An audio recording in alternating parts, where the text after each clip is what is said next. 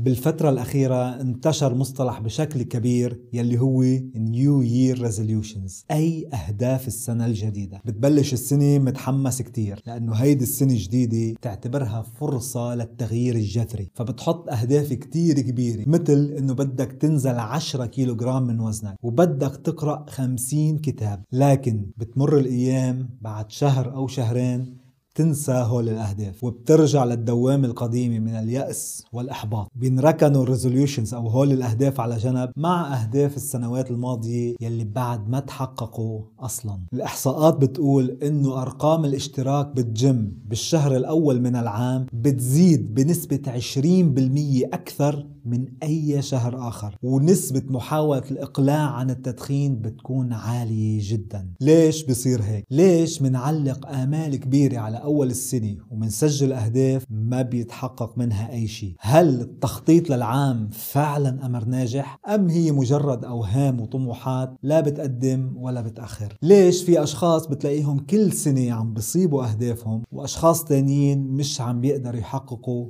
أي شيء. فيديو اليوم ممكن يكون من أهم الفيديوهات يلي شفتهم لأن ممكن يكون بداية تغيير حقيقي بالنسبة لك في سبيل تحقيق جميع أهدافك. رح نحكي فيه خطة علمية مثبتة ومش كلام تحفيزي من يلي بنسمعه كل سنة. هالخطة مبنية على أسس كيف دماغنا بيشتغل. بتخلينا نقدر نستغل ثغرات مزروعة بدماغنا حتى تقودنا نحو تحقيق أهدافنا بالطريقة يلي بتتناسب مع نفسنا البشرية.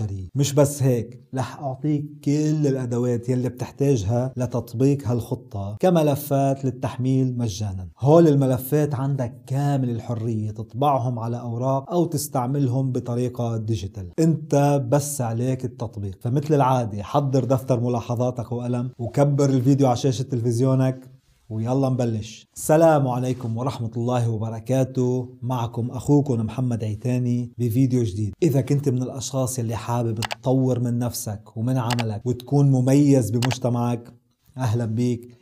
انت بالمكان الصحيح. الخطوة الأولى من خطتنا هي تحديد الوضع الحالي. قبل ما تعرف وين بدك توصل لازم تعرف انت وين حاليا. كتار بيكونوا شايفين هدف بعيد حابين يحققوه لكن ما بيعرفوا شو هن نقاط القوة ونقاط الضعف اللي عندهم إياها حاليا. بالورقة الأولى بملفات التحميل بتلاقي خانتين. خانة لنقاط قوتك اللي بتتمتع فيها وخانة أخرى لنقاط ضعفك يلي لازم تتجنبها لما تختار أهدافك. مثلا تعتبر نفسك شخص منظم وعندك سرعة بإنجاز المهام هول الإيجابيات يلي فيك تنطلق منها. لكن بذات الوقت أنت سريع الغضب ولا تتقن العمل مع مجموعة هول سلبيات يلي لازم تتجنبها. الصفحة الثانية بالملفات هي مخصصة لتسجيل أحلامك. إذا كنت بتملك عصاية سحرية شو بتحب تحقق بحياتك الآن؟ اكتب عشرة أشياء أنت بتحلم أنك تحققها. هول مش أهداف بعد إنما أحلام. قد ما كانت كبيرة ما تخجل أو تخاف منها. أطلق العنان لمخيلتك. في دراسة أجريت سنة 1979 على تلاميذ بجامعة هارفارد سألوا التلميذ هل تكتب أهدافك المستقبلية؟ 97% من هول التلاميذ قالوا لا ما بيكتبوا أهدافهم. بينما 3% فقط قالوا نعم بيسجلوا أهدافهم على ورقة. المدهش بالموضوع أنه لاحقا لما تابعوا هول التلاميذ بحياتهم العملية لقيوا أنه هول 3% اللي بيسجلوا أهدافهم ناجحين لدرجة أنه مدخولهم المالي أكثر من ال 97% مجتمعين. إذا هيدي الدراسة بتأكد لك أنه يجب أن تكتب أهدافك لأن بدون تخطيط حياتك تمشي بلا هدف وبتصير بتحتاج صدفة كونية لحتى تحقق أحلامك. وطبعا بدون هدف أنت تلقائيا عم بتحقق أهداف غيرك. إذا حضرت مسلسل على التلفزيون بتكون حققت هدف صاحب هالمسلسل. أما اللحظة يلي بتكتب فيها أهدافك أنت تلقائيا صرت من 3% من الناس يلي عم بخططوا لمستقبلهم بطريقة صحيحة. لكن هون معظم الناس بتوقع بالفخ لأنه ما بنعرف كيف نحدد هدف مناسب لشخصيتنا وطريقة تفكيرنا. وطبعا من المستحيل إنك تلاقي نظام موحد بيتطبق بشكل عام على الجميع. هلأ في أنظمة موحدة لتحقيق الأهداف منتشرة بشكل كبير. يمكن أشهرها هو SMART goal system أي نظام SMART لتحقيق الأهداف. شو هو نظام SMART؟ بشكل موجز كلمة SMART هي اختصار لعدة كلمات. هالنظام بيقول لك هدفك لازم يكون محدد سهل القياس ممكن تحقيقه ومحصور بوقت محدد. فكرة SMART goal system فكرة جميلة جدا لكن مع الأسف أثبتت عدم فعاليتها على المدى البعيد لأنها ببساطة تتعارض مع النفس البشرية. فإذا كنت من الأشخاص اللي جرب SMART goal system وفشل بالسابق ما تعتل هم الحق مش عليك. فيك تشبه فكرة ال SMART goal system لل diet. لما تعمل diet لجسمك انت بتكون بحالة غير طبيعية. جسمك مش معود عليها فبيعتبر نفسه بحالة استنفار وطوارئ. هلأ صحيح يمكن تخسر وزن لكن أول ما توقف diet رح ترجع لنمط الأكل الطبيعي يلي معود عليه وترجع كل وزنك. فال SMART goal system هي محاولة diet للدماغ. حالة طوارئ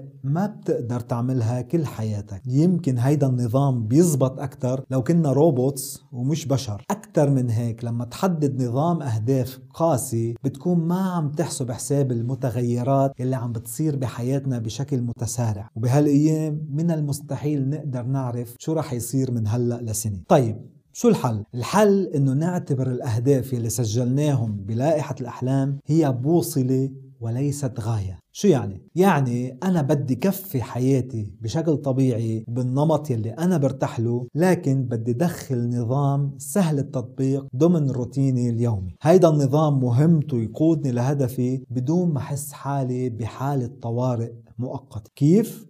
رح نعرف بالخطوات التالية بهيدا الفيديو. ممتاز. لحد الآن عرفنا وضعنا الحالي أي نقطة الانطلاق وعرفنا البوصلة أي بأي اتجاه لازم نروح. هلأ بدنا نبلش نركب نظامنا الخاص. يعني بدنا نصنع السيارة يلي رح توصلنا فعلا إلى الهدف. هالسيارة بتتكون من ثلاث عناصر. رح نبلش نستخرج هالعناصر من حياتنا الآن. الورقة الثالثة بملف الأدوات يلي بين إيديك هي للذة. في أمور بروتينك اليومي. أنت بتعملها لتستمتع فيها. أمور بسيطة لكن بتعني لك كتير. مثل مثلا تناول كوب شاي مشاهدة مسلسل معين لعبة أنت معود تلعبها على تليفونك طلب طعام من مطعمك المفضل إلى آخره. هول أشياء أنت بتعملها يوميا بتحقق لك نوع من أنواع السعادة. سجل هول الأشياء على ورقة لائحة اللذة لأن رح نستعملهم بعد شوي. الورقة الرابعة بالأدوات اللي بين إيديك هي لتقسيم الهدف. بهيدي الخطوة رح تختار هدف من لائحة الأحلام يلي كتبتها بالصفحة الثانية هيدا الهدف أنت برأيك في أمور لازم تساويها لحتى يتحقق. مثلا أنت كتبت التخلص من 10 كيلو جرام من وزني قسم الهدف واكتب أنت شو رأيك لازم تعمل حتى تتخلص من 10 كيلو جرام. يمكن لازم تمشي أكثر. الذهاب إلى النادي. لعب رياضة معينة. القراءة عن نظام غذائي مناسب لك إلى آخره. هيدي الورقة مش ضروري إنها تكون دقيقة. إنما اعتبرها مثل عصف أفكار للمهمات يلي أنت برأيك لازم تتساوى حتى يتحقق هالحلم. مش ضروري هالمهمات تكون كتير دقيقة حاليا. لأن على الأكيد ما رح يكون عندك كل المعطيات لتحقيق الهدف الكبير يلي هو حاليا التخلص من 10 كيلو جرام كل يلي عليك تعمله أنك ترسم خريطة طريق عامة حتى تاخدك من المكان يلي أنت عليه حاليا إلى الهدف يلي بتطمح له. تخيل الأمر كأنك ماشي بطريق ضباب. انت ما بتقدر تشوف كل الطريق لكن فيك تشوف أول 100 متر أمامك. وبس تقطع ال 100 متر هنيك رح تقدر تشوف ال 100 متر يلي بعدها. الخطوة الخامسة هي ال vision board. عادة لما تكون متحمس لتحقق هدفك بتكون شايفه أمامك وبدك تساويه بكل نشاط. هيدا الأمر يلي بصير معنا كتير بأول السنة. لكن مع مرور الأيام الحماس ممكن يقل. ومع كثرة الانشغالات بننسى الأهداف يلي كتبناها أصلا. وهون بيجي دور ال vision board ال vision board بشكل وسيلة لتذكرك بهدفك بشكل يومي. هيدي الأداة بنزرعها بعالمنا يوميا حتى تكون محفز لتحقيق هدفك. أعتبرها مثل مبدأ الإعلان يلي بتشوفه للمنتج المفضل لك لنقول مثلا شراب عصير. أنت بتكون بتحب كتير هالعصير. لكن نسيت تشتري منه صار لك فترة. أول ما تشوف هالإعلان لهالمشروب فورا بتتذكره وبتروح على السوبر ماركت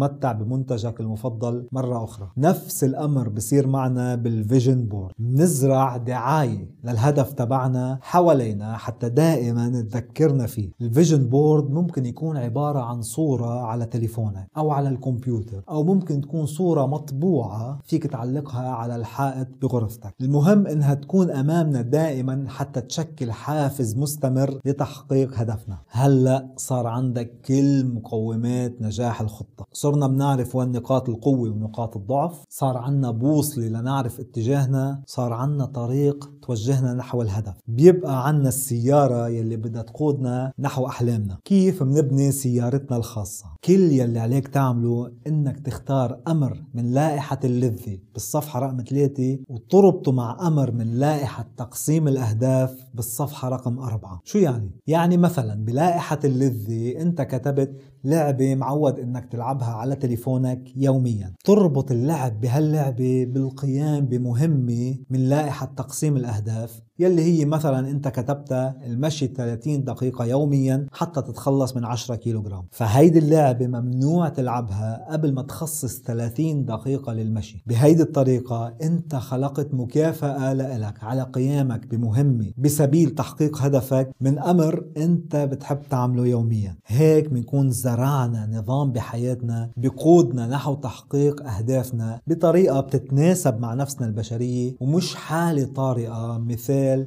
SMART goal system وهيدا هو سر زرع العادة الإيجابية العادات الإيجابية هي السيارة يلي بتقودك نحو هدفك. بكتاب Atomic Habits جيمس كلير بيقول حتى تزرع عادة إيجابية بدماغك أنت بحاجة لثلاثة أمور. محفز يعني أمر معين بذكرك بالعادة لذلك هون نحن خلقنا vision board اثنين الفعل يلي هو 30 دقيقة من المهمات يلي انت شايفها بتقودك نحو تحقيق هدفك. ثلاثة الجائزة يلي هي بترجع بتخليك تعيد دورة العادة مرة أخرى. وهاي الجائزة نحن استخرجناها من الأمور الروتينية يلي انت بتستمتع فيها يوميا. هيدا السيستم عبارة عن هاك بسيط للدماغ. هيك بتعيش حياتك عم بتحقق أهدافك انت وسعيد ومش حاسس حالك حالك بوضع استثنائي. زرع العادة حكينا عنها بالتفصيل أكثر بفيديو تطوير الذات. رح أترك رابط لهيدا الفيديو بصندوق الوصف إذا حابب تتعمق أكثر بهالموضوع. الأمر الجميل بهيدا النظام يلي ركبناه إنه مخصص وليس عام يتناسب مع شخصية وتفكير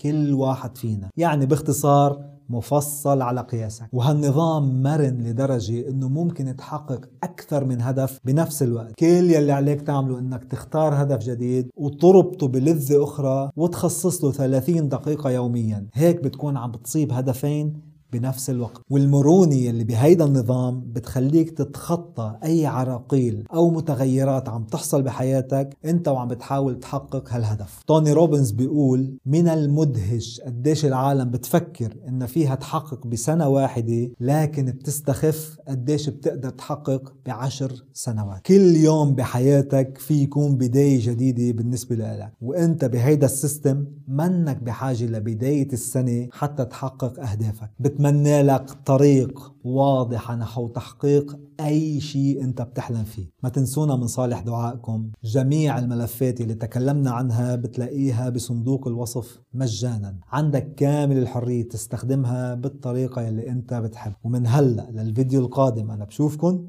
وبقلكن سلام.